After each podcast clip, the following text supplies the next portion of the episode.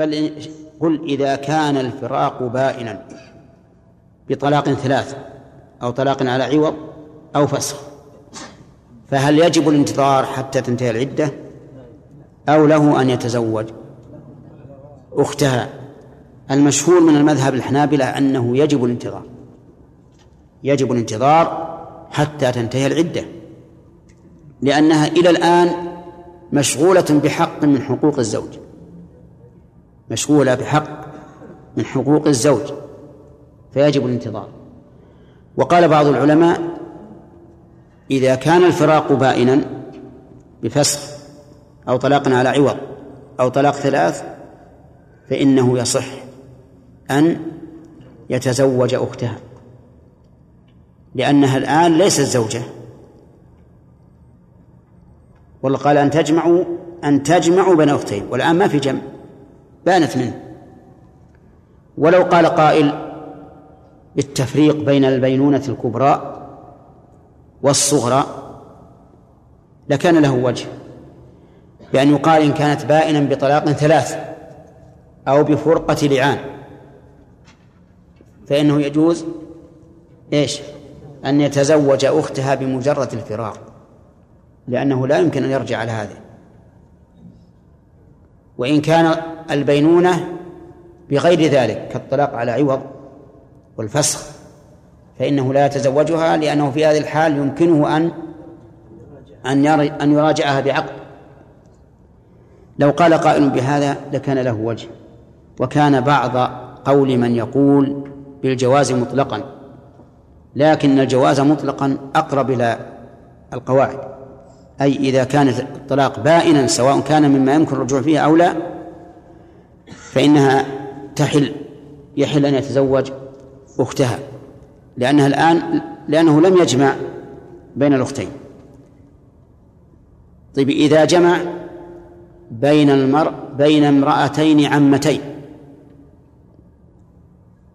ما هي عمة وبنت أخيها؟ بين امرأتين عمتين. لا يجمع بين المرأة وعمتها. كيف؟ العمتين خوات؟ كيف العمتين خوات؟ ما يصير العم... إذا صار خوات فين خوات؟ خوات في الإسلام يعني؟ السؤال الآن هل يجوز أن يجمع بين عمتين؟ لأنه إذا امتنع بين المرأة وعمتها فبين العمتين من باب أولى. هل يجوز أن يجمع بين خالتين؟ أنا أقول هل يجوز يجمع بالنكاح؟ هل يتزوج الخالتين؟ كل واحدة خالة الثانية هي هذا ك... هذا كلام. لا لا لا لا. هل يجوز عماته أصلا ما يتزوج عمته ولا بإفراد؟ أن يجمع بين عمتين. يعني كل واحدة عم للثانية هل يجوز ولا لا؟ أعطوني الحكم. طيب هل يجوز أن يجمع بين خالتين؟ لا يجوز؟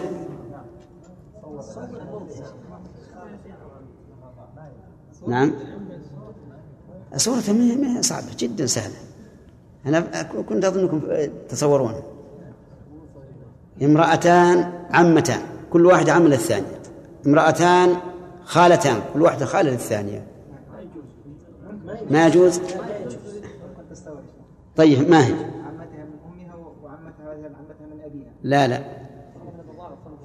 لا لا. لا. نسب.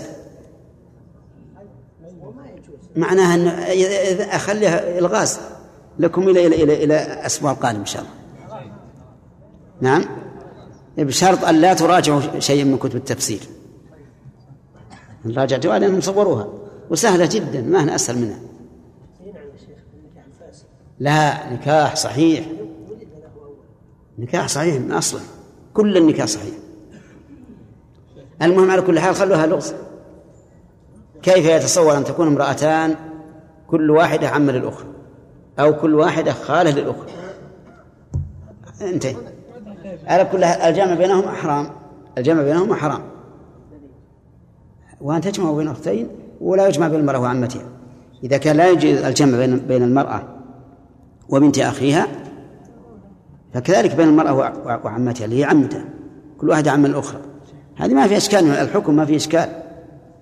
لكن التصوير هو الذي قد يستبعده الإنسان ولكنه أدنى من شراك نعله. قريب. خلاص. الغاز يا خالد. ها؟ لا تعتقد. حل بغير المكان. انتهينا الآن.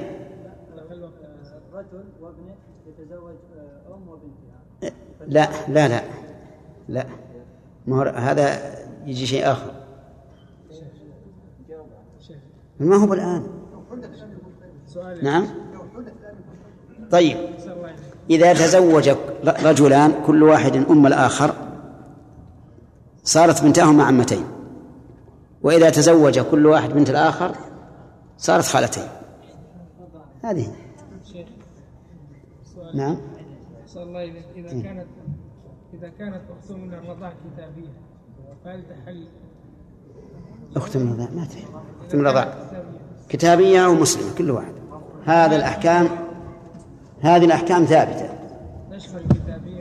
هذه الأحكام ثابتة. أم أما الإنسان حرام عليه له كتابية. لو أنها كافرة مشركة حرام عليه. نعم. ها؟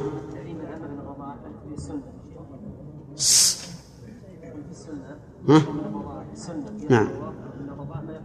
نعم. لماذا؟ إيه؟ هذا من باب الإشارة. هذا من باب الإشارة. لا يسأل يقول هل هناك درس بعد الصلاة؟ يقول ما في درس. إن شاء الله الوقت الثاني. الحصة الثاني يوم الأربعاء ليلة الأربعاء إن شاء الله. يوم الثلاثاء قيدت بس. يعني ذكرنا والمحصنات من النساء عطفا على قوله أحل حرمت عليكم نعم. لأن كذلك المحصنات. نعم. إنما ملكت أيمانكم هم المسويات يعني في قتال الكفار. نعم ثم ذكرت فضيلة الشرح أدخلت هذه في هذا حصل لبس عندي. كيف؟ نزلت حكم ما ملكت أيمانكم على كأنهم كأنهن المحصنات. كيف؟ وش وش قلت؟ يعني ذكرنا المحصنات ان هم متزوجات نعم. و... إلا المسبيات. إلا المسبيات. نعم. ثم نزلت حكم المسبيات كأنهن المحصنات. حتى أنا توقفت عن كده نعم. حتى هن المحصنات. هن المحصنات لكن لما سبينا ملك يعني امرأة متزوجة. يعني المحصنات ألسنا هم المتزوجات اللي هم الحرائر يعني؟ لا لا لا لا. هذا وهذا؟ هذا وهذا ما هن لكن حتى الحرائر عند الكفار إذا سبيناهن صرنا ملك يمين. فالمعنى إذا كانت امرأة متزوجة عند الكفار زوجها كافر وسبيت وملكها المسلمون فإنها تحل. واضح؟ نعم. ولم نعم.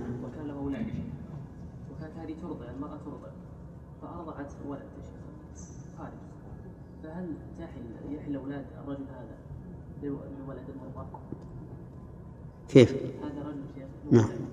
ثم تزوج امرأة. نعم. نعم. وكان فيها لبن من قبل. نعم. نعم. هل الولد هذا يحل لأولاده يعني هل يكون أخا لأولاده؟ من غيرها. من غيرها. طيب اللبن لمن؟ إذا ما تكون ما تكون أخت ما تكون أخت العيال إيه بس اللبن مو له اللبن للزوج الأول نعم طيب إيه؟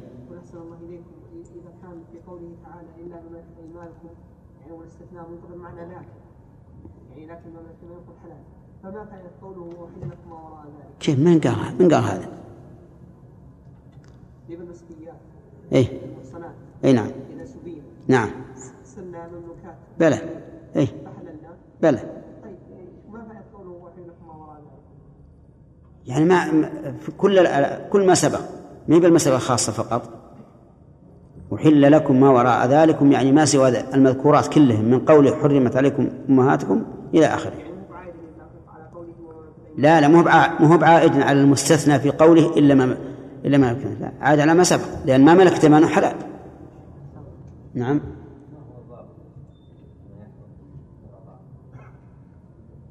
الضابط يحرم من الرضاع ما يحرم من النسب.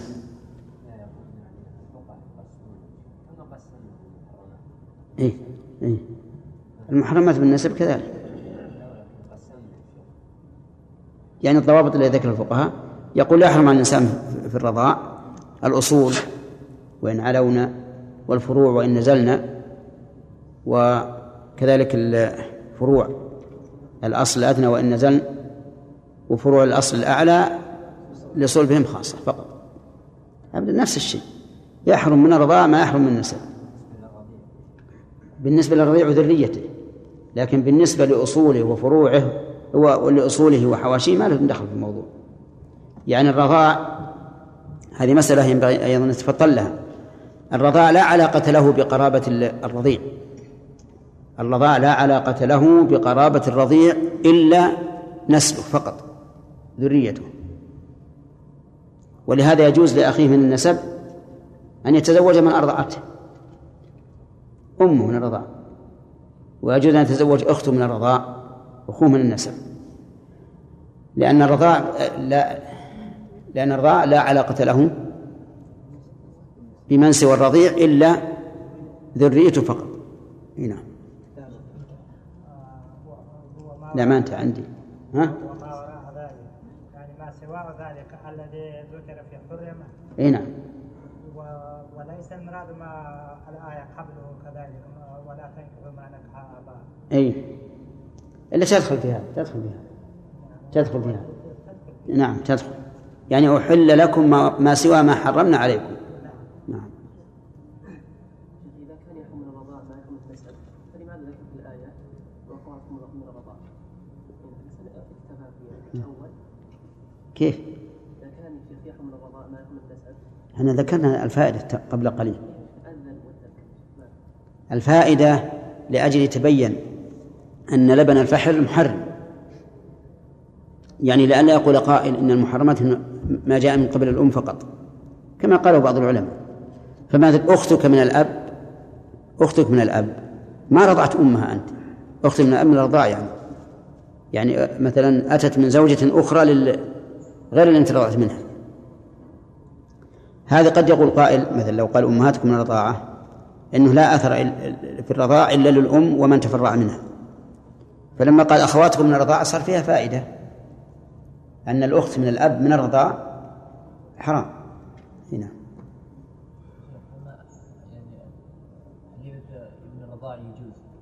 ها؟ نعم نعم نعم نعم. كيف؟ صحيح. هذا هو الدليل. هذا هو الدليل على حلها. آه، حليلة ابنك. حليلة ابنك. هي حرام عليك من النسب ولا منين؟ حرام عليك. منين؟ النسب ومن لا لا. ما بينك وبينها نسب. حرام من الصهر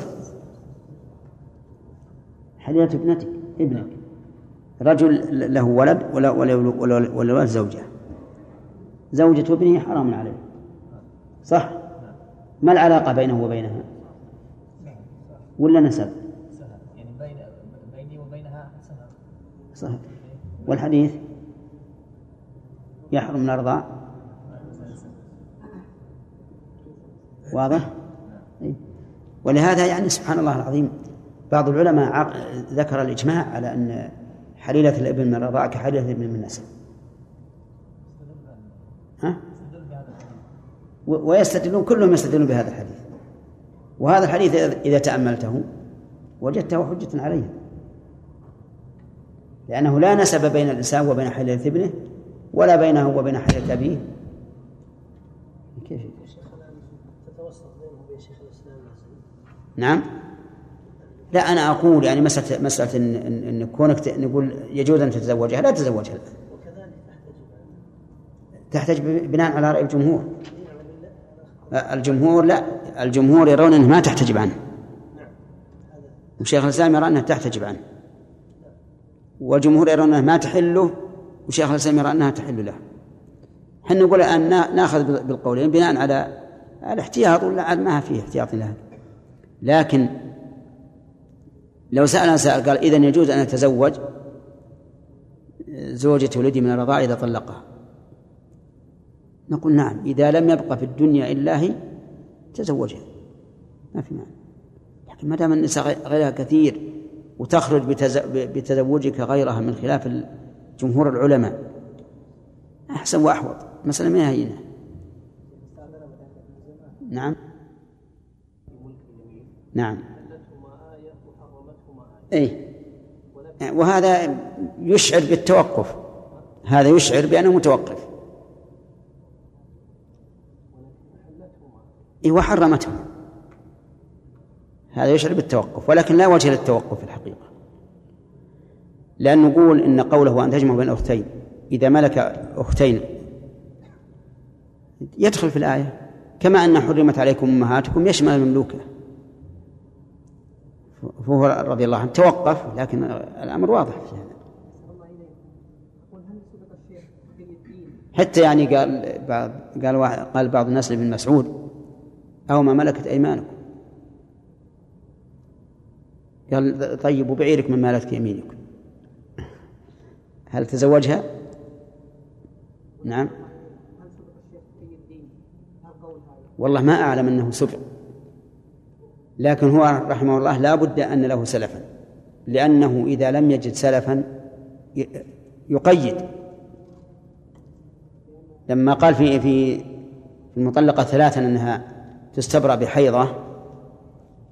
قال هذا هو مقتضى النص إلا أن يكون الإجماع على خلافه. وهنا ما استثنى. نعم. فقال كيف تقول بهذا القول؟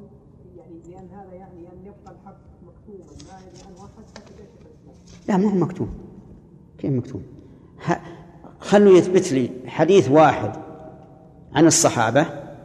أنهم قالوا إن حليلة الابن من الرضاع كحليلة الابن من النسب. ما يقدر يثبت. أقول ما يقدر يثبت. هو من من من سلفنا في هذا؟ هم الصحابة خلوه يثبت عن هذا. خلوه يثبت. فالصحابة ربما أنهم فهموا فهم شيخ الإسلام ومشوا عليه ولا ولا بالهم ثم جاء من بعدهم وصارت المسألة هكذا لكن هل يمكن الله يكون الآن في قضية الحاضرة نعم ما يتبين الحق إلا في عصور متأخرة مثلا مثل قول شيخ الإسلام رحمه الله بس من يقول أنه ما تبين الآن. يعني عامة العلماء لو اطلعت على قول اهدنا الصراط المستقيم. نعم. تجد عامة العلماء يقول ثبتنا ثبتنا. نعم. فجاء شيخ الإسلام وتكلم وقال هذا كلام جاهل لا يعرف حقيقة الأسباب وما أمر الله به ثم بين.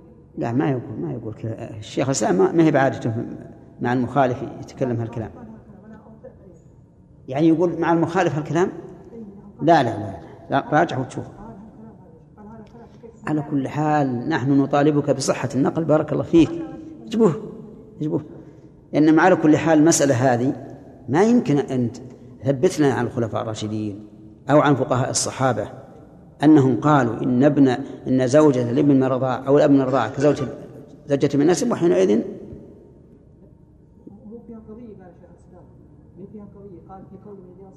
لا خابر خابر. لا أنا قصدي إن اللي يقولون الناس إنه ما بال الحق إلا على شيخ الإسلام إحنا نقول طيب بينوا لنا لا بأس.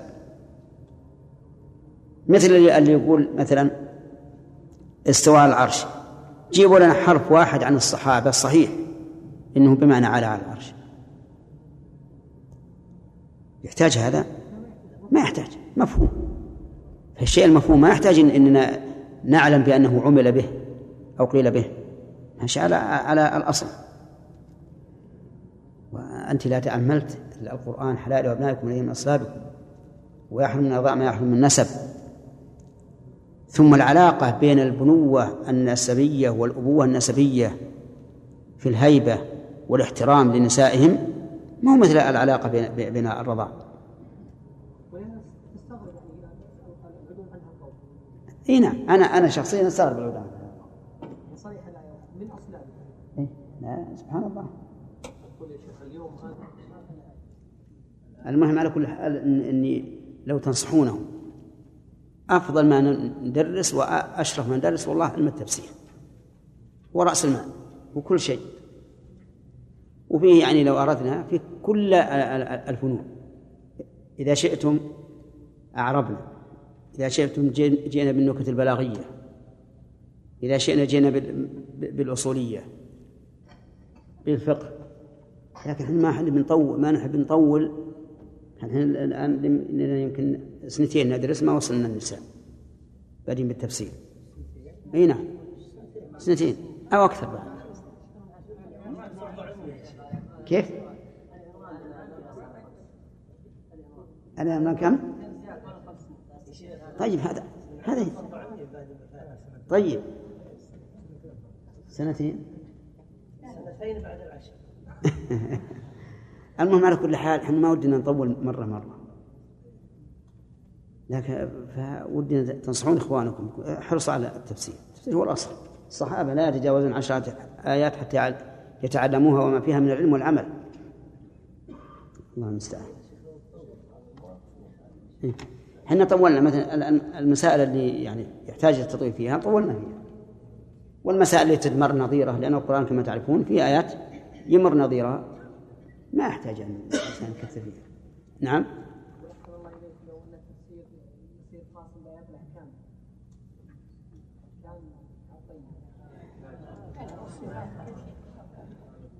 ماشي. لأنه الآن لو كان يعني السير على ما هو عليه ما نملك الأحكام كلها ولا طيب إنه يأخذ التفسير كله وآيات الأحكام أحسن الله إليك ما كل يجيب الكلام فيها فكلامكم في هذا شك إنه أجل. الحمد لله كفينا بجواب الإخوان.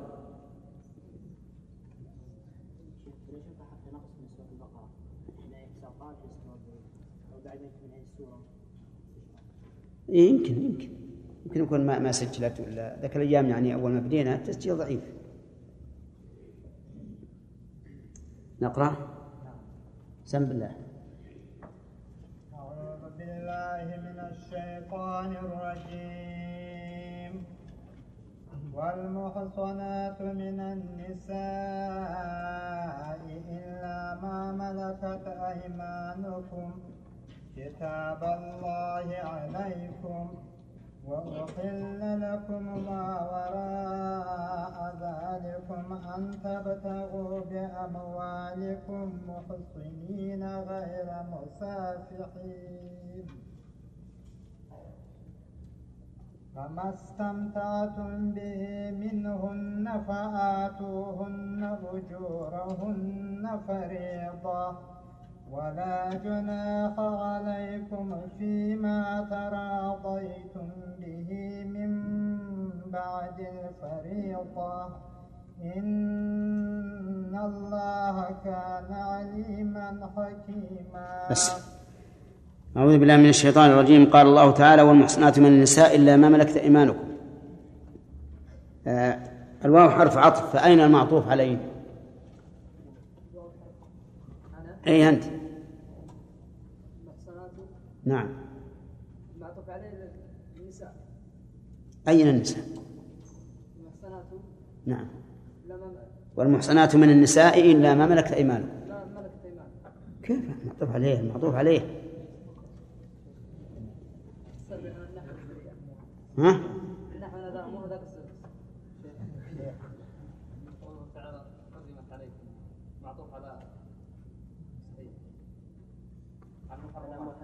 على أمهات. معطوفة على أمهات. يعني وحرمت الم- المحصنات من النساء. طيب. ما المراد بالمحصنات؟ لا هنا هنا في الآية.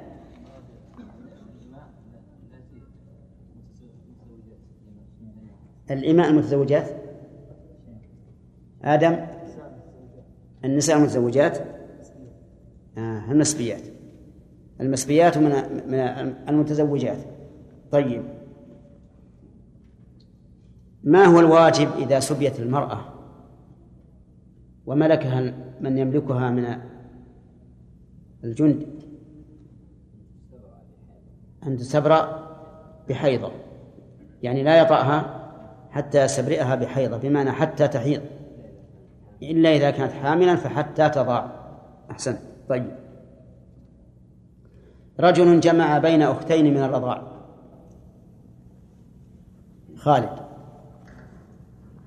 خلف ها؟ لا يجوز. الدليل؟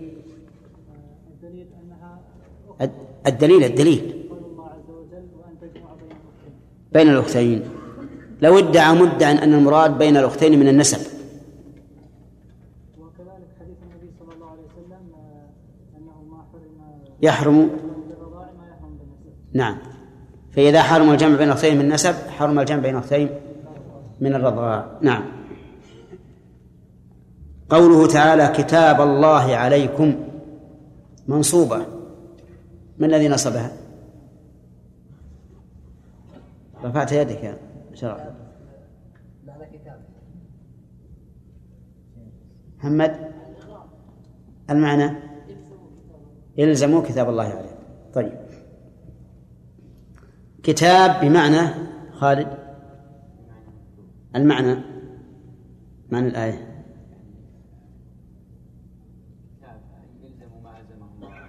ما. ما كتبه الله عليكم. طيب. والكتاب هنا بمعنى المكتوب أي أي الملزوم أي المفروض ما. ما. ما شاهدك على أن الكتابة تأتي بمعنى الفرض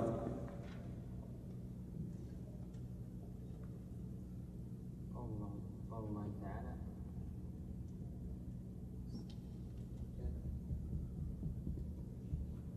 كتب لا. عليكم القصاص وقتل فرض الحر والعون هو فرض. نعم يحيى. نعم. أي فرض. إن الصلاة كانت على المؤمنين كتابا. طيب. ثم قال الله عز وجل وهو بدء درس الليلة وأحل لكم ما وراء ذلك. أحل فيها قراءتان سبعيتان صحيحتان.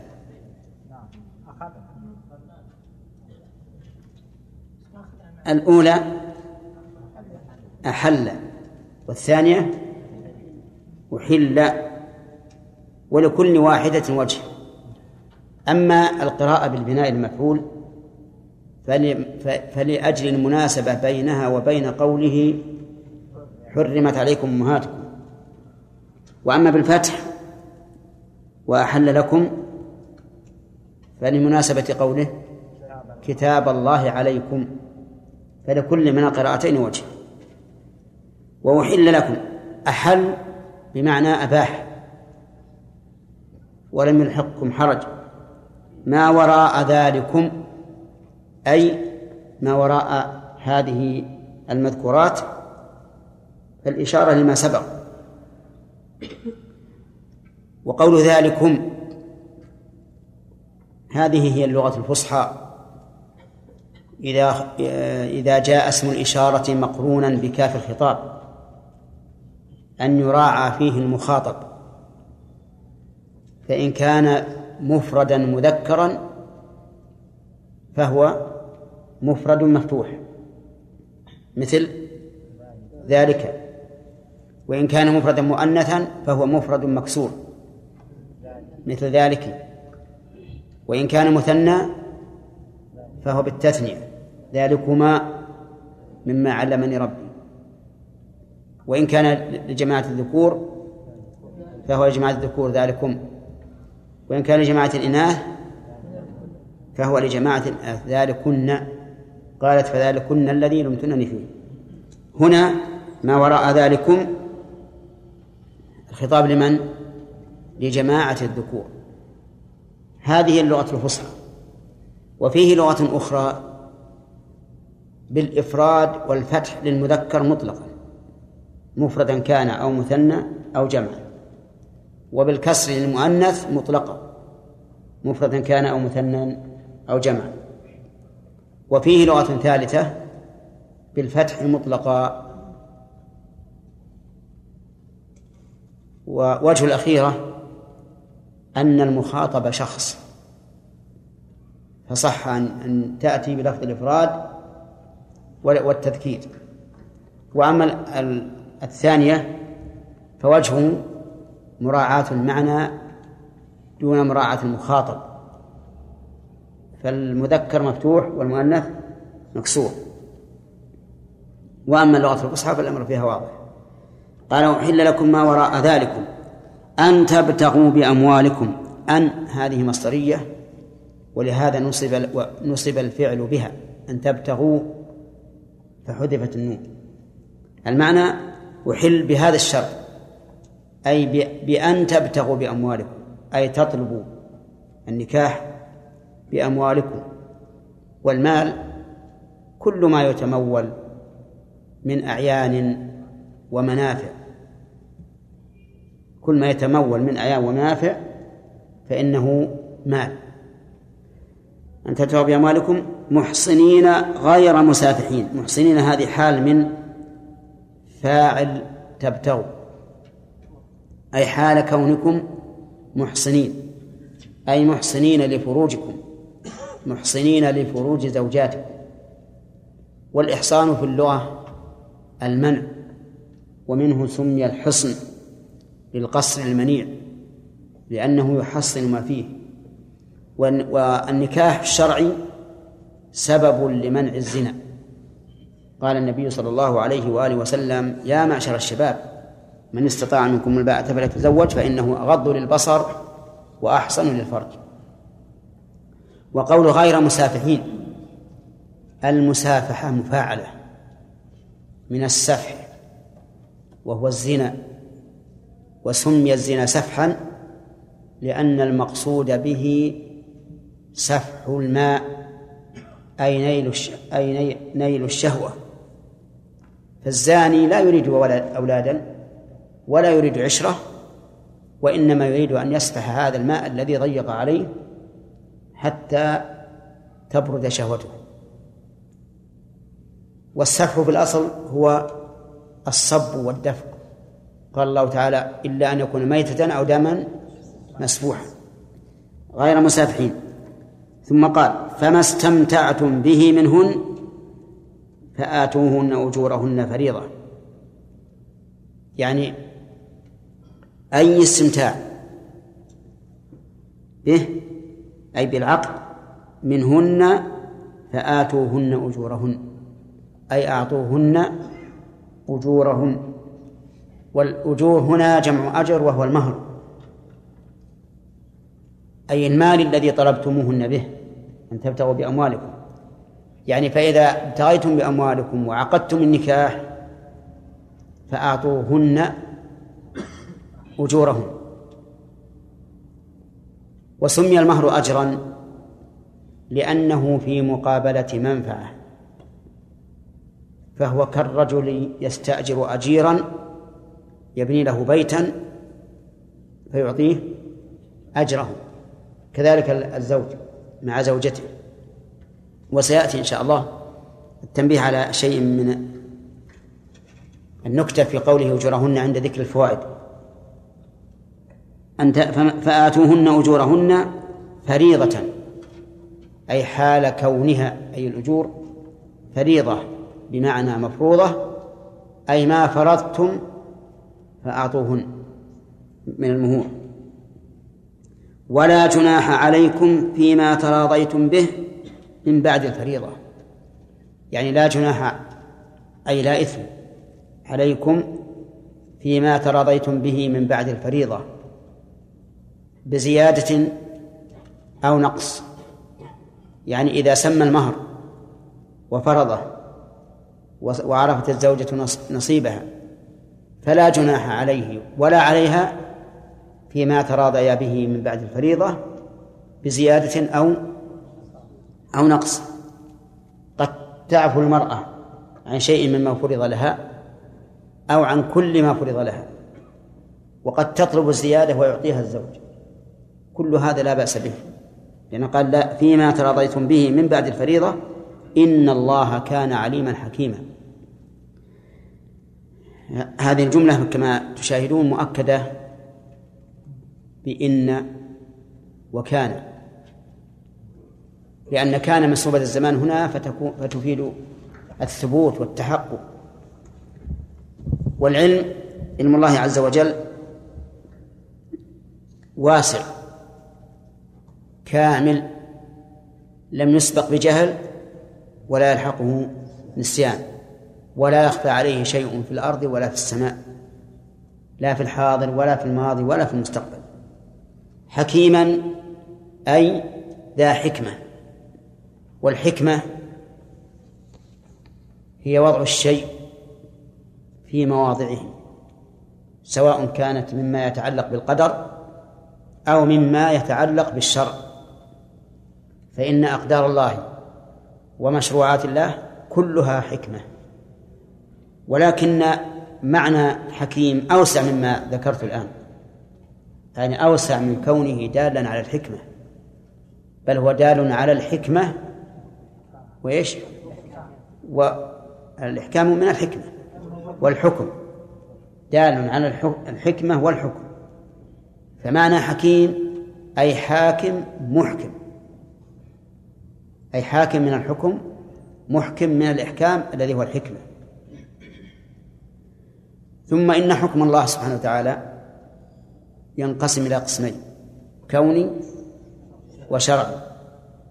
ثم إن الحكمة أو الإحكام حكمة على صورة الشيء أي في صورة الشيء وحكمة في غاية الشيء والمراد والمراد منه. وكل ذلك ثابت من قوله حكيما. وعلى هذا تكون أربعة أقسام. حكم كوني حكم شرعي. إحكام في صورة الشيء وإحكام في في غاية الشيء. نعم. ووجه ختم الآية بهذا وجه ختم الآية بهذا هو أن هذه أحكام عظيمة. هذين الاسمين الكريمين أن هذه الأحكام صادرة عن علم تام بما يصلح الخلق وعن إحكام تام. ولنقف لنقرأ هذا الإعلان. طيب نرجع الآن إلى فوائد الآية الكريمة والمحصنات من النساء إلى ما ملكت أيمانكم إلى آخره. من فوائد هذه الآية الكريمة أن النساء المسبيات يكن أرقاء بمجرد السبي وهو كذلك وعليه عمل المسلمين. فإن سبيت مع زوجها فإنها فإنها تبقى معه. لكن بدونه تكون رقيقة وينفسخ ومن فوائدها أيضا أنه ينفسخ نكاح الزوج. ينفسخ نكاحها من زوجها. لأن المسلمين ملكوها. فإن قال قائل وهل يقاس على ذلك ما لو انتقل ملكها وهي مع زوج؟ أن تطلق بهذا الانتقال؟ فالجواب في هذا قولان للعلماء. الأول أن بيع الأمة طلاقها والثاني لا أنها لا تطلق تبقى على زواجها. ويكون للمشتري إذا لم يعلم بأنها مزوجة يكون له الخيار. لماذا يكون له الخيار؟ لأنه يفوت عليه الاستمتاع بها. يفوت عليه الاستمتاع بها. والدليل على هذا القول الصحيح أن بريرة لما عتقت خيرها النبي صلى الله عليه وآله وسلم أن تبقى مع زوجها أو تفسخ النكاح. ولو كان البيع سببا للطلاق أو الانفساخ لانفسخ بدون تخيير. إذا لا يصح أن أن يقاس بيع الأمة على سبيها وإن كان قد انتقل ملكها. ومن فوائد هذه الآية الكريمة إثبات الرق لقوله إلا ما ملكت أيمانكم وهذا أمر مجمع عليه بين المسلمين. أعني ثبوت الرق ولا يمكن لأحد الإنكار لأنه في القرآن وفي السنة وفي إجماع المسلمين. ولكن يبقى النظر في سبب الرق هل يسترق الإنسان؟ هل يسترق الإنسان بأي سبب أم لا بد من سبب شرعي؟ الجواب الثاني. وعلى هذا فكثير من الإرقة الذين كانوا يوجدون لا حقيقة لرقهم لأنهم كانوا يباعون أي يبيعهم أهلوهم من حاجة أو غير حاجة فيشتريهم المشتري ويسترقهم وهذا ليس سببا شرعيا للرق. لكن إذا ثبت السبب الشرعي ثبت المسبب وثبت الرق ولا يجوز إلغاؤه لأنه حكم شرعي. فلا يجوز إلغاؤه بأي حال من الأحوال. لكن لو قال قائل هؤلاء الأرقة الموجودون بماذا استرقوا؟ فنلغي الرق هنا لأجل بطلان إيش؟ سببه ولكن يجب أن لا تكون أن لا يكون التعبير إلغاء الرق. كذا. لأن هذا مصادمة للنص والإجماع. ولكن يقال الرق الموجود الآن ليس على سبب شرعي فلا يجوز اعتماده. هكذا يقال. لتبين الحكمة أو ليبين السبب حتى يبقى الحكم الشرعي وهو الاسترقاق.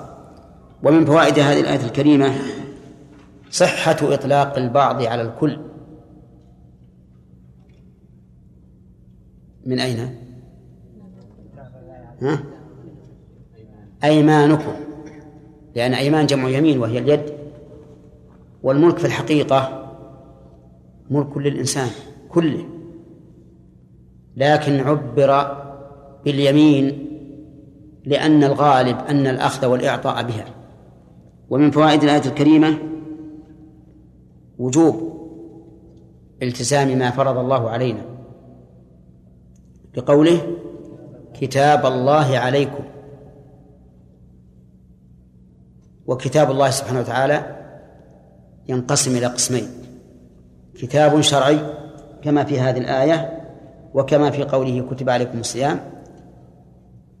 وكتاب كوني. كما في قوله تعالى وكل شيء أحصيناه كتابا. أي الكتاب القدري. وكما في قوله ولقد كتبنا في الزبور من بعد الذكر أن الأرض يرثها عبادي الصالحون. ومن فوائد الآية الكريمة أن المحللات أكثر من المحرمات. المحللات من النساء أكثر من المحرمات. وجهه؟ نعم يؤخذ من قوله وأحل لكم ما وراء ذلكم. لكن وجه ذلك الحصر أنه حصر المحرمات وعمم في المحللات. ومن فوائد الآية الكريمة أن من ادعى تحريم امرأة من ادعى تحريم امرأة فعليه الدليل. يعني لو خطب إنسان امرأة فقال له بعض الناس هذه المرأة حرام عليك من المحرمات. الجواب أنه لا بد أن يقيم دليلا على ذلك. لأن المحرمات محصورات. والمحللات مطلق الأمر فيهن مطلق. ومن فوائد هذه الآية الكريمة أننا إذا شككنا في سبب التحريم فالأصل عدم التحريم يعني الأصل حل.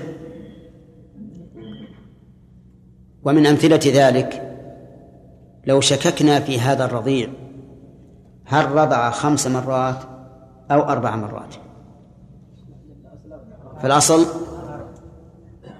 أربع.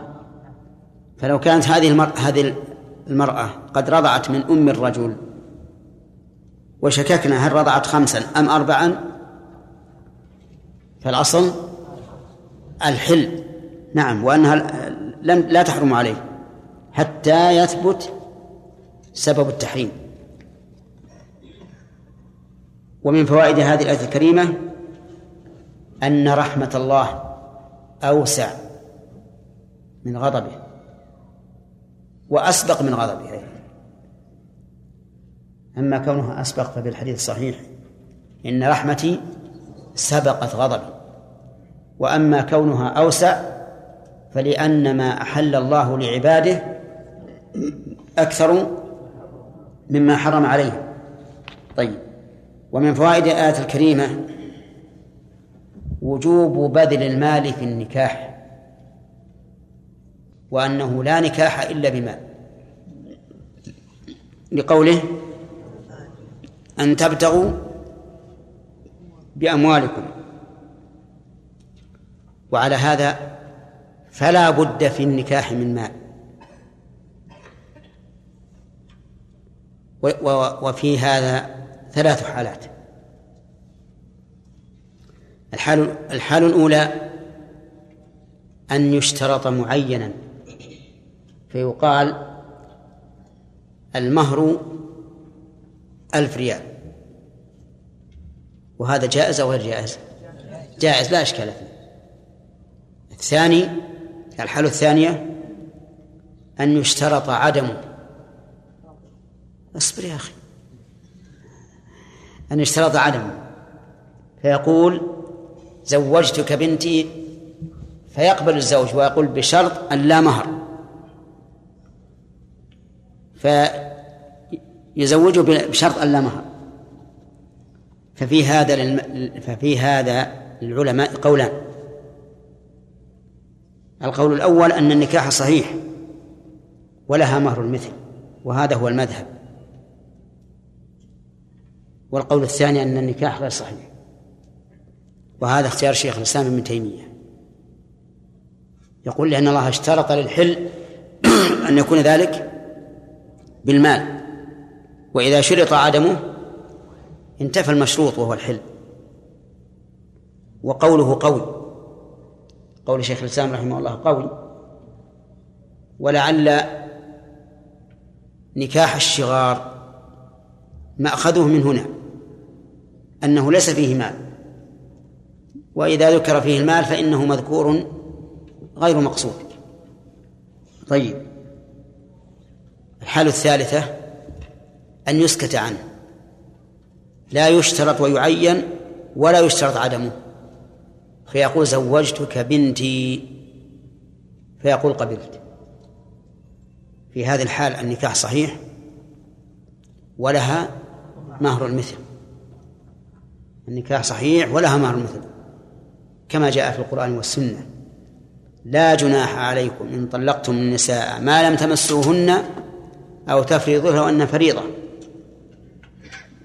ومتعوهن على. ومتعوهن. هذا إذا طلقت قبل الدخول. فإن طلقت بعد الدخول فلها مهر المثل كما صح ذلك في حديث عبد الله بن مسعود رضي الله عنه. طيب. من فوائد هذه الآية أن الطالب للنكاح هو الزوج. أن تبتغوا. فهل يمكن أن تطلب الزوجة؟ ها؟ ما يمكن. المرأة تطلب الزوج. إيه؟ نقول يمكن. يمكن. يمكن امرأة تخطب نفسها إلى شخص. نعم. كيف؟ يندر. اي هو على كل حال بالنسبة للثاني نادر لكنه واقع. فهذه المرأة وهبت نفسها للنبي صلى الله عليه وسلم. وهذا عمر عارض ابنته حفصة على أبي بكر وعثمان. ولا بأس. لكن الغالب أن الطالب هو الزوج. ومن فوائد الآية الكريمة أن المهر إذا كان مغصوبا. فإنه لا يعتد به.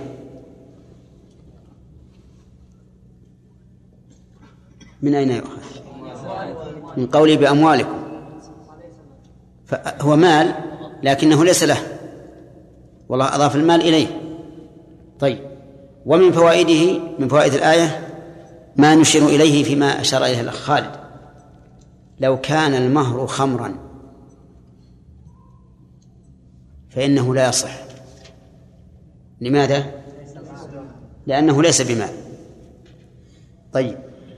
ومن فوائد الآية الكريمة جواز جعل المنفعة مهرا. من أين تؤخذ؟ نعم. نعم ربما نأخذ من مال إذا جعلنا المال العين والمنفعة. أو من أجور إذا قلنا المال هو العين فنقول إن الله سماه أجورا والأجرة تكون على المنافع والأعيان على كل حال المهر يصح أن يكون منفعة. يصح أن يكون منفعة. فإن عادت فإن عادت المنفعة إلى الزوجة فالأمر ظاهر. وإن عادت إلى غيرها بإذنها فلا بأس. كما في قصة موسى. مع صاحب مدين لأن المهر أن أن يرعى غنمه ثمان ثمانية سنوات. فالمنفعة لمن؟ لوالدها لكن برضاها. إذا رضيت فالحق لها. وإلا فالمهر للمرأة. طيب وهل يصح أن يجعل الزوج مهرها خدمته لها؟ يعني يقدم حديانها يأصل ثوبها نعم يفرش فراشها نعم يقدم لها السجاد يصلي عليها يجيب لها الماء مثلا يصح ولا يصح؟ ها؟ هي تصح كما قال الأخ هداية يقول هذه منفعة اصبر طيب هذه منفعة لكن بعض العلماء قال لا يصح. لا يصح لأن هذا استرقاق للزوج. والعكس هو الصواب. فإن الرسول عليه الصلاة والسلام قال إن النساء عواني يعني مثل الأسرى عندنا. فكيف هي تخدم زوجها؟ تقول يلا روح روح يا ولد جيب الحذاء جيب المشكلة هنا على كل حال إذا كانت المنفعة خدمة الزوج للزوجة ففي خلاف بين العلماء نظرا إلى أن استخدامها إياه نوع من الإذلال وعكس ما يريد الشرع من كون الرجال قوامين على النساء. نعم. والله صحيح إذا دعت الحاجة لا بأس. يعني لو ما لو ما وجد امرأة يتزوجها إلا بهذا الحال أما لو استأجرت استأجرته على لو جعلت المهر راعي راعي غنمها وإصلاح بستانها مما لا يكون خدمة مباشرة فهذا لا شك في جوازه. نعم. ومن فوائد هذه الآية الكريمة تحريم المتعة. تحريم المتعة. بقوله محصنين غير مسافحين وصاحب المتعة لا يريد الإحصان يريد السفاح. لأن من أراد الإحصان فإن الإحصان لا يحصل إلا بالملازمة. إلا بالملازمة. أما أن يبقى عندها يومين أو ثلاثة أو أسبوعا فهذا لا يزيد في الإحصان. بل لا يزيد الأمر إلا شدة. لأن كون الإنسان قد كف نفسه وأيس نفسه ربما يتحصن بعض الشيء. لكن إذا استمتع مدة يومين ثلاثة يزداد شفقا فلا يحصل الإحصان. والله سبحانه وتعالى اشترط أن أن يكون محصنا. وزواج المتعة إنما هو للسفاح فقط لسفح هذا الماء الذي ضيق عليه. ولذلك لا يثبت به شيء من أحكام النكاح. ليس فيه طلاق ولا نسب ولا عدة ولا إحصان. كل أحكام النكاح لا تترتب عليه حتى عند القائلين بجوازه لا يترتب عليه شيء من أحكام النكاح. فدل هذا على أن أنه سفاح كما دلت عليه السنة. فإنه في حديث سبرة بن معبد الجهني أن الرسول عليه الصلاة والسلام في في حجة الوداع أو في غزوة الفتح أعلن عليه الصلاة والسلام أن المتعة حرام إلى يوم القيامة. حرام إلى يوم القيامة. وهذا التحريم خبر مؤبد. حرام إلى يوم القيامة. وإنما قلنا إنه خبر مؤبد لئلا يدعي مدع أنه نسخ لأن جعل غايته يوم القيامة معناه أن أن نسخه غير ممكن. لو أمكن نسخه لأمكن تكذيب الرسول عليه الصلاة والسلام وهذا مستحيل. طيب. وأجاز بعض العلماء المتعة للضرورة. للضرورة. فقال إذا خاف الإنسان على نفسه الزنا لكونه شديد الشهوة ولكون الزنا متيسرا كما يوجد في بلاد الكفر. وخاف على نفسه الزنا فلا حرج أن يتمتع. ويروى هذا عن ابن عباس رضي الله عنه. وقال وقال إنه كالميتة. كالميتة. إذا اضطر الإنسان إليه فعله وإلا فلا. وحجته أن فيه ارتكاب أدنى المفسدتين لدفع أعلاهما ما هو الأعلى؟ الزنا. الذي يشعر الإنسان بأنه تيس وجد عنزا في الطريق فأقرعها ومشى. هذا الزنا لكن المتعة فيها نوع من الارتباط بين الرجل, والمرأة. ما هو ارتباط إلى المدة التي اتفق عليها. ففيها شيء من العلاقة التي لا يشكه فيها أحد. لكن الزنا على خلاف ذلك. ولكن القول الراجح أنها لا تحل مطلقا. لقول الله تعالى وليستعفف الذين لا يجدون نكاحا ها حتى يغنيهم الله من فضله. هذا هو الصحيح. وقد أنكر عبد الله بن الزبير رضي الله عنه وعن أبيه أنكر على ابن عباس إنكارا عظيما في في هذه المسألة. وهو وهو وهو محل إنكار هذا القول. لأن النبي صلى الله عليه وآله وسلم عم قال حرام إلى يوم القيامة وأطلق. ولأن حقيقة المتعة استئجار المرأة ليزني بها في مدة معينة. هذه حقيقته إذا تمت المدة خرجت مع الباب الذي دخلت فيه دخلت منه. ولا تعتد ولا شيء أبدا. هل الزنا إلا هذا؟ أما الضرورة فقد جعل الشارع لها حلا.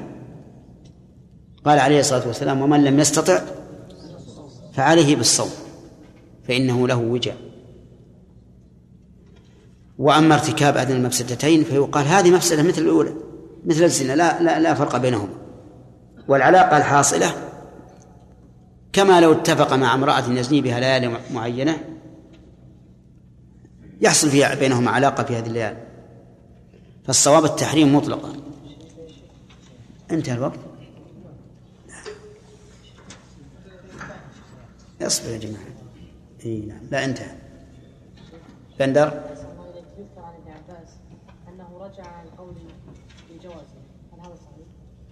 لا ما رجع.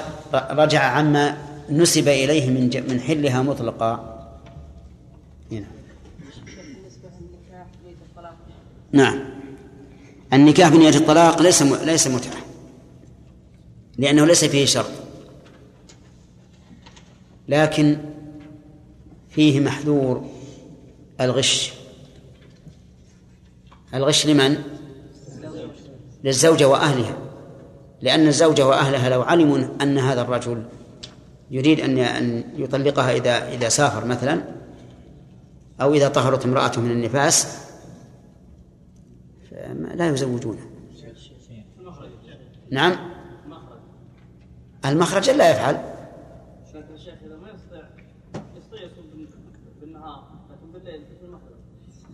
ما يصوم بالليل. ها؟ يصلي. ثم هناك شيء أخف من هذا. هناك شيء أخف. أولا في حقاقير الآن تخفف الشهوة. ليست تقضي عليها أما اللي يقضي عليها ما يجوز. الشيء الثاني يقدر يعني يستمني مثلا. لأن السمنة أهون من من المتعة وال- والزواج بدون الطلاق. ها؟ طيب. اي للضرورة. هل السمنه أهون من الزنا. نعم. هذا الذي أخبرنا ال- الاخ خالد عنه يحتاج إلى تحقيق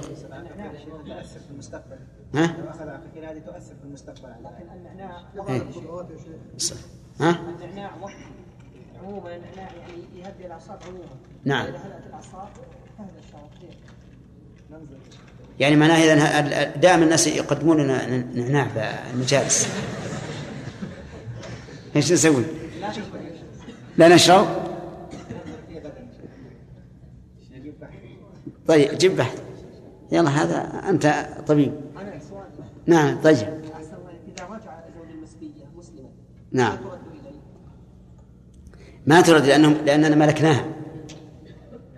ملكناها لا يمكن ترد. لكن في بعض الغزوات رد الصحابه رضي الله عنهم ما سبوه من النساء والذريه على لعلهم ما سرقوه لكن هي هي بمجرد السبي تكون رق- رقيقة تكون رقيقة.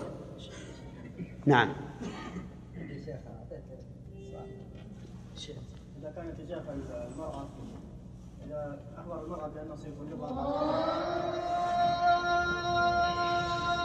هذا ليس بمتعة ما دام ما اشترطوا شرط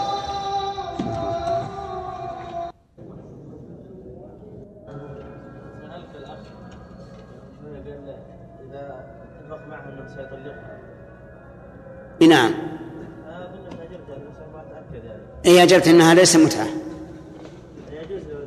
يعني سيطلقها كل الناس لهم الخيار يطلقون زوجاتهم. أما لو حدد قال إني زوجتكها إياها فإذا جاء إذا دخل الشهر الآتي طلقها. والتزم هذه متعة. ما يشبه غاش له مثلا الشيخ هذا اللي يضمر يضمر ولا يعلم. لها متى بيطلقها في هذه الحال تحتفظ لنفسه إذا شاءت قالت متى؟ نحدد قلنا هذه متعة. ها؟ كيف؟ لا ما في أسئلة لكن إذا رأيت بالنسبة لل ها؟ يعني. قياسا طيب الشرفي لأنه من قبل قال. الله قلت من هناك وسيلة الاستماع اهون من المتعه وذكرت يا شيخ بعض الكتب أن الاستماع محرم. ها نذكر الآن. إحنا نقول هذا حرام. لكن هذا يا شيخ قول عند ضرورة. يفتح باب عظيم. كل من يعني قالت شهوة تقرير قال أنا مضطر. لا لا ما هو صحيح. يعني إذا درى أمر إذا درى أمر بين أن يذهب إلى محل البغاء ويزني أو يستمني أين أحسن؟ يعني أين أهون؟ نعم نعم يا شيخ لكن أليس من السياسة الشرعية؟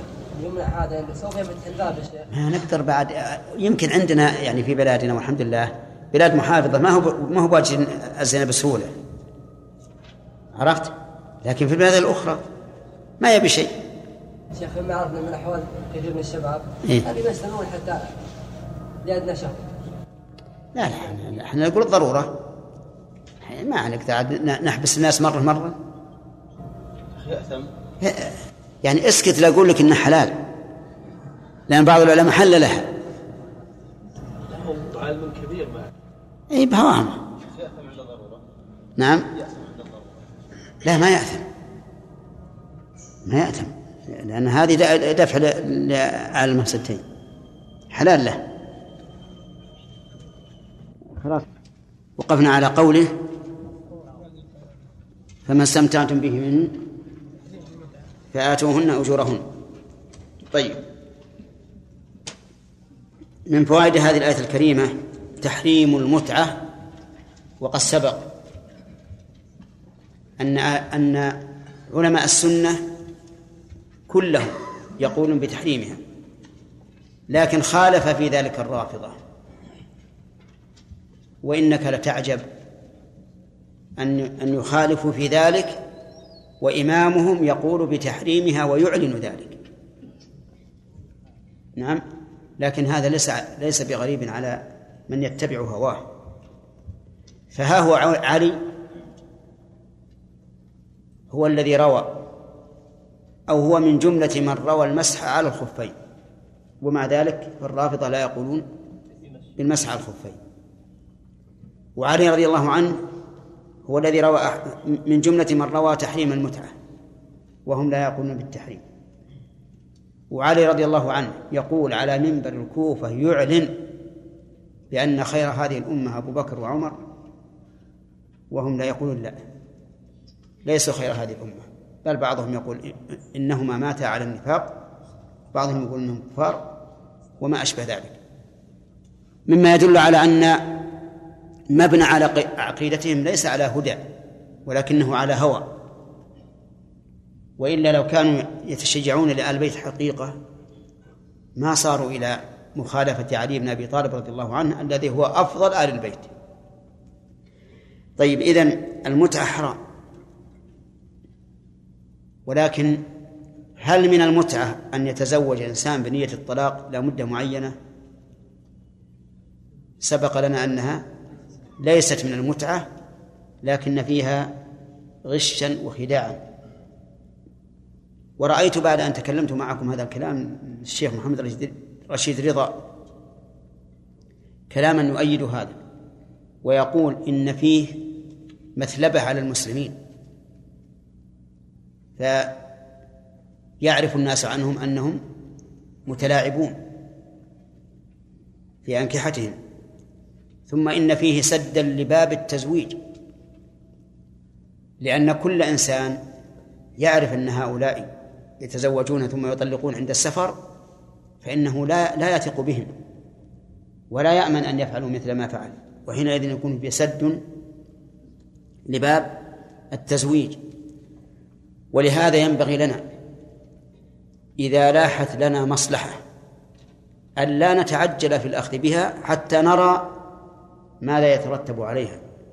قد يترتب عليها من المفاسد ما ما هو أعظم من المصلحة. ما هو أعظم من المصلحة. والذين قالوا بالجواز يقول لأن كل إنسان إذا لم إذا لم تتلاءم معه زوجته فإنه يطلقها. ولكن نقول هناك فرق. بين شخص لم يدخل إلا على أنه سيطلقها في يوم معين وشخص آخر دخل على أنها زوجته ولكن وجد عارض يمنع الاستمرار في الزوجية. فهذا فرق عظيم. ثم إننا نقول ألستم تقولون إن الرجل إذا تزوج المرأة بنية التحليل للزوج الأول بنية التحليل لا بشرط التحليل. فإن النكاح فاسد. فهذا مثله. هذاك نوى أن يطلق بعد زمن معين وهذا نوى أن يطلق بعد زمن معين. والأعمال بالنيات وإنما لكل امرئ ما نوى. فإذا قالوا هذا يمكن أن يرغب ويبقى قلنا والمحلل يمكن أن يرغب ويبقى. نعم. فعلى كل حال أنا لا أرى أنه يجوز للإنسان أن يتزوج بنية الطلاق إذا إذا سافر. لكن هل يبقى هل يصح النكاح أو لا؟ المذهب عند الحنابلة أن النكاح غير صحيح.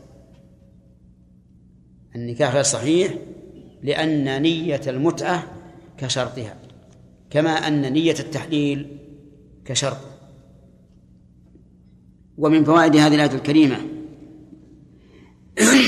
أن المهر يثبت باستمتاع الزوج بزوجته. لقوله فما استمتعتم به منهن فآتوهن أجورهن. وعلى هذا فيثبت المهر بالجماع وبالاستمتاع بالمرأة. استمتاعا لا يكون إلا من الزوج مع زوجته. كالتقبيل والضم ونحو ذلك. ويثبت أيضا بالخلوة كما جاء ذلك عن الخلفاء الراشدين. ومن فوائد هذه الآية الكريمة تسمية المهر أجرا. تسمية المهر أجرا ووجهه أنه عوض في مقابل منفعة لا في مقابل عين لو كان في مقابل عين لسمي بيعا لكنه في مقابل منفعة وهو استمتاع الزوج بالزوجة فصار مثل الإجارة. ومن فوائده من فوائد الآية أن المهر لازم كلزوم الأجرة على المستأجر. ولكن إذا سمح من له الحق فهل يسقط؟ الجواب نعم. لقوله تعالى فنصف ما فرضتم إلا أن يعفون أو يعفو الذي بيده عقد النكاح وهنا مسألة مهمة وهي لما سمى الله المهر أجرا هل الزوج يعامل زوجته وهو يشعر أنها كالأجير أو أن معاشرة الزوج لزوجته ومعاملته لها أسمى من ذلك وأعلى. الثاني ثاني لأنه إذا شعر بأنها كأجير آه نعم كأجير استأجرها ليستمتع بها لم يحصل مقصود النكاح وهو المودة والرحمة. قال الله تعالى ومن آياته أن خلق لكم من أنفسكم أزواجا لتسكنوا إليها وجعل بينكم مودة ورحمة. ولأنه لو شعر هذا الشعور لكان يغضب حينما تمتنع منه لسبب أو لغير سبب حتى ربما طلق لكن إذا شعر بأن الأمر أعلى وأسمى من ذلك قال نعم المهر أجر لأنه في مقابلة منفعة ولكن الذي سيق إليه المهر ليس إيش؟ ليس كالأجير ليس كالأجير فالعوض وإن سمي أجرا لكن المعوض له ليس كالأجير ومن فوائد هذه الآية الكريمة وجوب إتيان النساء مهرهن لقوله فريضة. أي مفروض عليكم أن تؤتوهن أجورهن. ومن فوائدها أي الآية الكريمة أنه إذا تراضى الزوج والزوجة على زيادة أو نقص أو إسقاط فلا حرج. لقوله ولا جناح عليكم فيما تراضيتم به من بعد الفريضة. ومن فوائدها أن نأخذ قاعدة مهمة وهي أن ما أوجبه الله عز وجل لحق الإنسان وأسقط حقه فلا إثم على من لم يقم به. إذا أوجب الله علينا حقا للإنسان وأسقط حقه فلا إثم علينا إذا لم نقم به. وهذه القاعدة سيكون لها فروع كثيرة منها إجابة دعوة الوليمة. إجابة دعوة دعوة الوليمة واجبة. لحق من؟ لحق الزوج. فإذا أسقطها فلا إثم علي إذا دعاني. لو دعاني وقلت يا أخي أنا عندي شغل. أنا لا أستطيع. وما أشبه ذلك. فقال إذن أنت مسموح. فإنه لا إثم عليك. لأن الحق له.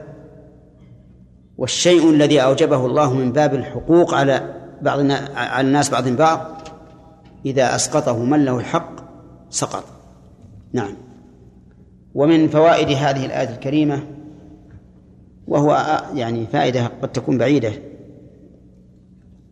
أن من سب الرسول صلى الله عليه وآله وسلم وجب قتله ولو تاب وجب قتله ولو تاب ومن سب الله فإنه إذا تاب لا يقتل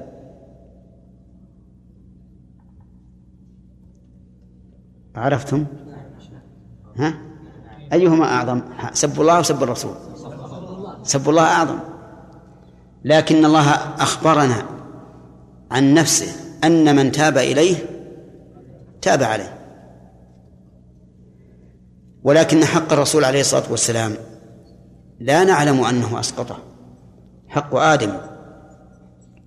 فيقتل لحق الرسول لكن تقبل توبته. يقتل مع مع قبول توبته. كيف؟ نعم نقول نقبل توبته. وإذا مات بعد وإذا قتلناه غسلناه وكفناه وصلينا عليه ودفناه مع المسلمين لأنه تاب لكن القتل لا بد منه. طيب من فوائد هذه الآية الكريمة إثبات اسمين من أسماء الله وهما العليم والحكيم. وقد سبق تفسيرهما بشرح وافي. ثم قال تعالى ومن لم يستطع منكم طولا أن ينكح المحصنات المؤمنات فمما ملكت أيمانكم. قوله ومن لم يستطع منكم. من لم يستطع؟ من هذه؟ اسم شرط جازم. فمما ملكت؟ جواب الشرط. وهنا نسأل اجتمع في هذه الجملة موجبان للجزم. أحدهما من والثاني لم. فهل الفعل مجزوم بمن أو مجزوم بلم؟ نقول بلم لأنها المباشر. بلم لأنها المباشر. وعلى وعلى هذا فنقول يستطيع فعل المضارع مجزوم بلم وهو فعل الشرط. وقولها من لم يستطع منكم طولا الطول هو الغنى. يعني من لم يستطع منكم غنى يكفي لمهر المحصنات أن ينكح المحصنات أي الحرائر. المؤمنات ضد الكافرات. فمما ملكت أيمانكم يعني فانكحوا مما ملكت أيمانكم أي من من التي ملكت أيمانكم وهن الإماء. فيتزوج الإنسان أمة غيره لا أمة نفسه. لو تزوج أمة نفسه لم يصح النكاح. لو تزوج أمة نفسه لم يصح النكاح. لأن ملك البضع بالمل بالملك أقوى من ملكه بالنكاح ولا يمكن أن يرد الأضعف على الأقوى. إذن فمما ملكت أيمانكم يعني ملكت أيمان غيركم. كرجل يريد أن يتزوج أمة زيد. هذا ما يريد الله بهذه الآية. فمما ملكت أيمانكم من فتياتكم المؤمنات. من هذه؟ بيان لما؟ في قوله مما ملكت أيمانكم. وفتاة جمع فتاة. وهي الأمة. وهي الأمة. فالفتاة تطلق على الشابة إذا أضيفت للحرة وعلى المملوكة إذا أضيفت لرقيقة. يقول فمما ملكت أيمانكم من فتياتكم المؤمنات. المؤمنات ضد الكافرات ولو كتابيات. فلا بد أن تكون الأمة مؤمنة. فالكافرة في هذا المقام ولو يهودية أو نصرانية لا لا صح. قال والله أعلم بإيمانكم. الله أعلم بإيمانكم يعني وليس لكم إلا الظاهر. أما الباطن فعلمه إلى الله. فإذا قال الإنسان هذه أمة لا ندري هل هي مسلمة حقا أو مسلمة خوفا. نقول الله أعلم بإيمانها أنت ليس لك إلا الظاهر. بعضكم من بعض. أتى بهذه الجملة المؤكدة للتساوي في البشرية؟ لأن عند العرب أنفة لأن عند العرب أنفة عظيمة أن يتزوج الحر أمه. فخفف الله ذلك عنه عنهم وقال بعضكم من بعض. أنت لست تنكح إلا إنسانة. فأنت معها بعضكم من بعض. فانكحوهن بإذن أهلهن. انكحوه فانكحوهن. همزة الوصل ولا قطع؟ وصل. لأنها من الثلاثي من نكح. فانكحوهن أي الفتيات المؤمنات بإذن أهلهن أي أسيادهن وهنا قال بإذن أهلهن. ولم يقل بإذن أوليائهن لأنه لا ولاية لأحد في المملوكة إلا لسيدها لأن سيدها مالك لها عينا ونفعا فهو الذي يزوجها حتى لو كان لها أب فإنه لا يزوجها مع وجود السيد. وآتوهن أجورهن بالمعروف. أعطوهن آتوا بمعنى أعطوا بخلاف أتوا فإنها بمعنى جاءوا. قال الله تعالى حتى إذا أتوا على وادي النمل أتوا أي جاءوا. آتوهن أجورهن أي مهورهن. بالمعروف أي بما يتعارفه الناس. وبما أقره الشرع بدون مماطلة وبدون منة. لا تقول هذه أمة فتماطل بها بمهرها أو تمن بها. به عليها. محصنات. انتهى الوقت. جاء الأسئلة؟ أي طيب. نعم. الأمة هل لها أو لسيدي؟ هذه تجي في الفوائد يا خالد إن شاء الله. نعم. سؤال واحد. نعم. سب الرسول صلى الله عليه وسلم الذي يتوب وسب الرسول صلى الله عليه وسلم. يقتل اجماعا أقول في المسألة فيه إجماع. ما أدري هل فيه إجماع ولا لا. لكن الأدلة تدل على هذا. وقد صنف شيخ الإسلام رحمه الله كتابا حافلا في الموضوع.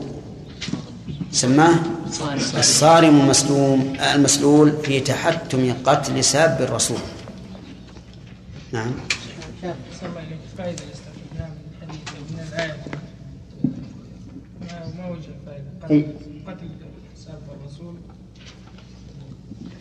ما هو قلنا أن هذه فائدة قد تكون بعيدة؟ نعم قد تكون بعيدة. واضح. لكن ما الذي يقربها؟ يقربها أن قلنا حق الآدمي إذا عفى عنه سقط. ولو كان الله قد أوجبه له من حقوق الآدمي حق الرسول عليه الصلاة والسلام. لو سب أحد رسول الله أمام رسول الله وعفى عنه نعم سقط. بس عاد يجب عليه أنه يتوب عن الردة.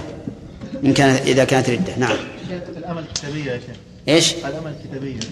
لماذا لا تقاس على الحرة في الزواج؟ هذا سيستفاد من الفوائد إن شاء الله.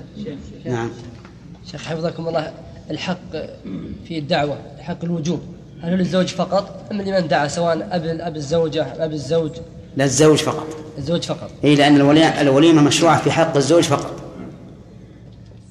من داود قلنا وملك ايمانكم ايمانكم إيمان غير غيركم شيخ ونحن نأخذ القرآن على ظاهره. فهذه استنبط أن قلنا أقوى ملك اليمين أقوى من ملك النكاح. هذا شيخ من استنباط. وعاد على النص بطريقه كيف نقدم الفهم على الظاهر؟ هذه يدخل, ست- يدخل علينا شيخ. ستكون ستكون في الف- في الفوائد ينبغي أن كل شيء يكون على هذا. أي نعم. هل يمكن يا شيخ يكون إنسان مستقيم؟ ثم يحسد فينحرف؟ نسمع نعم. مستقيم ثم ينحرف؟ هو على كل العين العين كل شيء يدخله القدر تدخله العين. حتى المستقيم ربما يصاب بالعين وينحرف. يعني مثلا إذا انحرف يعاقب. إيه. فكيف هذه مصيبة. ما فعله هذه مصيبة من المصائب. كما أن الإنسان لو طلب الحق ولكن ما وفق لأحد يشرحه له فإنه يعاقب. نعم. هذا نعم لو فرضنا أن الرجل يريد العبادة يتوضأ ليصلي لكن يعجز فهذا يكتب له ما كان يعمل صحيحا. ولا يحرم الأجر. لكن إذا انحرف باختياره يقول يا فلان صل. يمكن يمكن ان يكون مستقيم ثم فينحرف إيه نعم يمكن. هذا شيء مشاهد. ينحرف لكن قد لا يكون انحراف إرادي. قد يصاب مثلا بكسر يصاب بمرض وما أشبه ذلك يقعده عن العمل.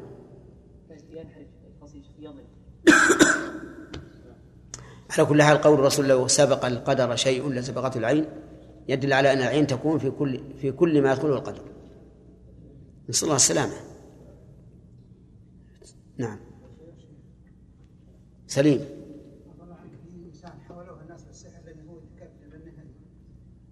السحر الناس واجد في بعض الاحيان عجزوا عنه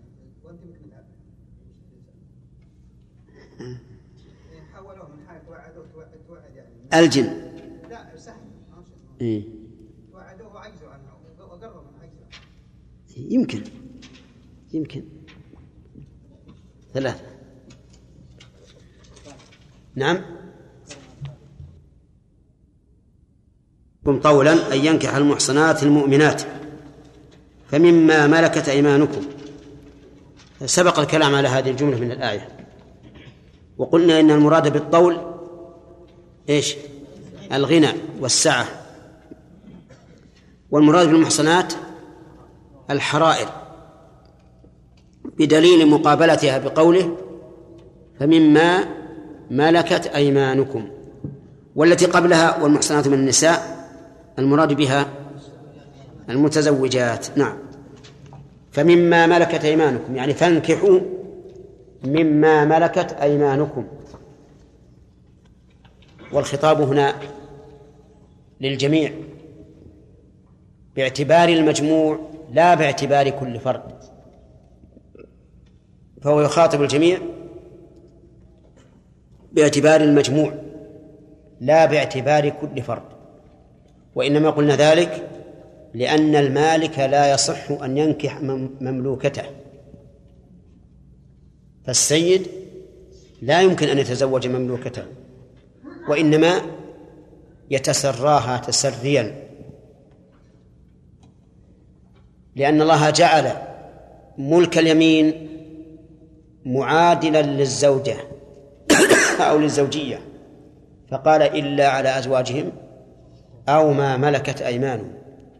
فدل هذا على أن ما ملكت اليمين غير الأزواج. وقال أهل العلم إنه لا يمكن أن يتزوج السيد مملوكته. لأن استباحته بضعها بعقد أقوى من عقد النكاح. لأن عقد الملكية يفيد ملكها بجميع أنواع الاستمتاعات. وعقد النكاح يفيد ملك الاستمتاع بها فقط. فالأمة تملك منافعها كلها تملك أن تخدمها. وأن تؤجرها. وليس لها مال المال لك. وتملك الاستمتاع بها. والزوجة؟ ليست كذلك.